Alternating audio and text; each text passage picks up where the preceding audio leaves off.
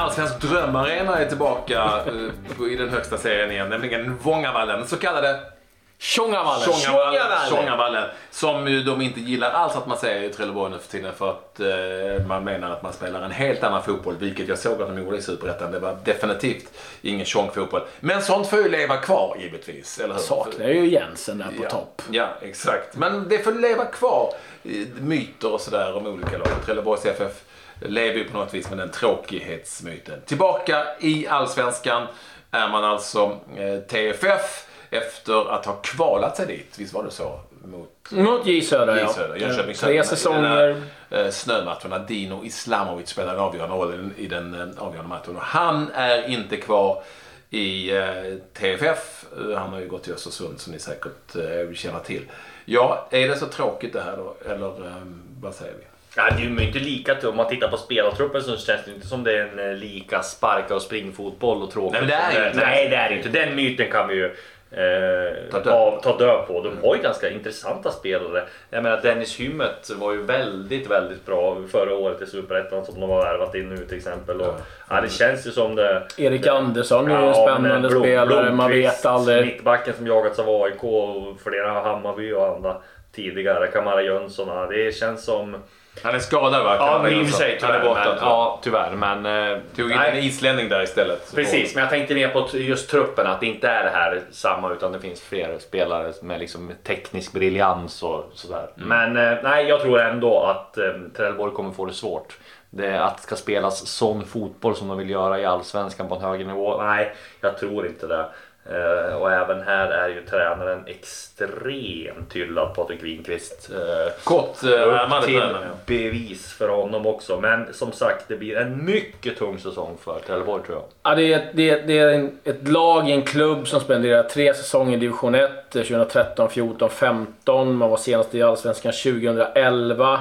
Det är ett ungt lag, det är ett oerhört ungt lag. 42% av truppen är under 21 år. Man har 24% i skiftet eller skiktet 21-23 år och 15% 24-26.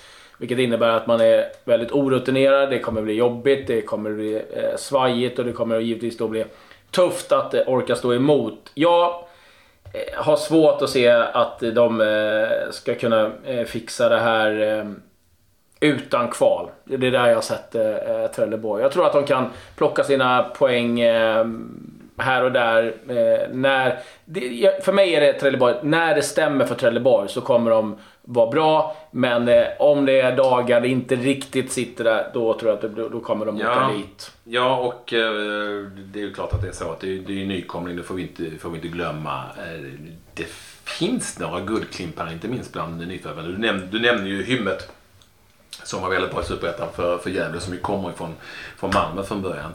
Eh, jag skulle säga att eh, försvarsspelaren Deniz Hadzikadunic också är väldigt, väldigt, väldigt lovande. Uttagen u truppen här under våren och, och en bra spelare. Sebastian Olsson från Degerfors är också Jag tycker de har värvat ganska ganska humant. Eh, utan att humant ha, ja, Utan att ha en aning om hur bra Ottar Magnus Karlsson är som är islänningar från Molde. Som givetvis var, som det heter, ungefär som med alla islänningar och nigerianer, landslagsmeriterad. Vad det nu innebär har man faktiskt ingen aning om.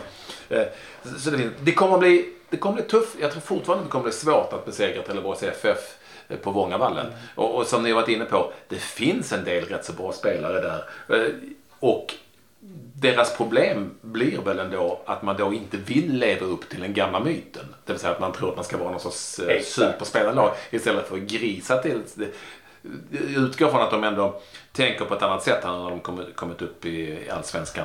Eh, jag är inte helt övertygad om att det går så himla dåligt för Trelleborgs FF den här första säsongen. För att det finns ett annat tänk där nu som är eh, annorlunda. Det finns Tränaren är ju skön och han har hjälp av både Christian Heinz och Magnus Andersson som nu har lagt av bägge två. Tränaren är skön? Ja men han är skön. det är bra kriterier. Han är skön tränare. Han kommer att hänga kvar. De vinner allsvenskan. Ja men han är på något vis, alltså, förstår vad jag menar? Han, han, jag, känslan, är, känslan är att han inte, han tror inte att han är bättre än vad han är. Alltså, han, jag tror inte han kommer att spela över. Jag tror att de på något vis han har spridit en god stämning i den här truppen. Det är ju väldigt, väldigt uppenbart. Så jag eh, är ju en av de som tror att Trelleborgs FF kommer att ha fyra lag bakom sig när vi stänger allsvenskan. Jag tror de kommer att ha Sirius, Kalmar FF Brommapojkarna Sundsvall bakom sig och placerar dem eh, därför på, vad blir det? Det blir ju på elfte plats. De åker ur. De kommer näst sist på 15 plats. De får kvala. 14 plats. De kommer ha Sundsvall och BP efter sig. Så där är intressant. Trelleborgs FF på Vångavallen också. Tjångavall.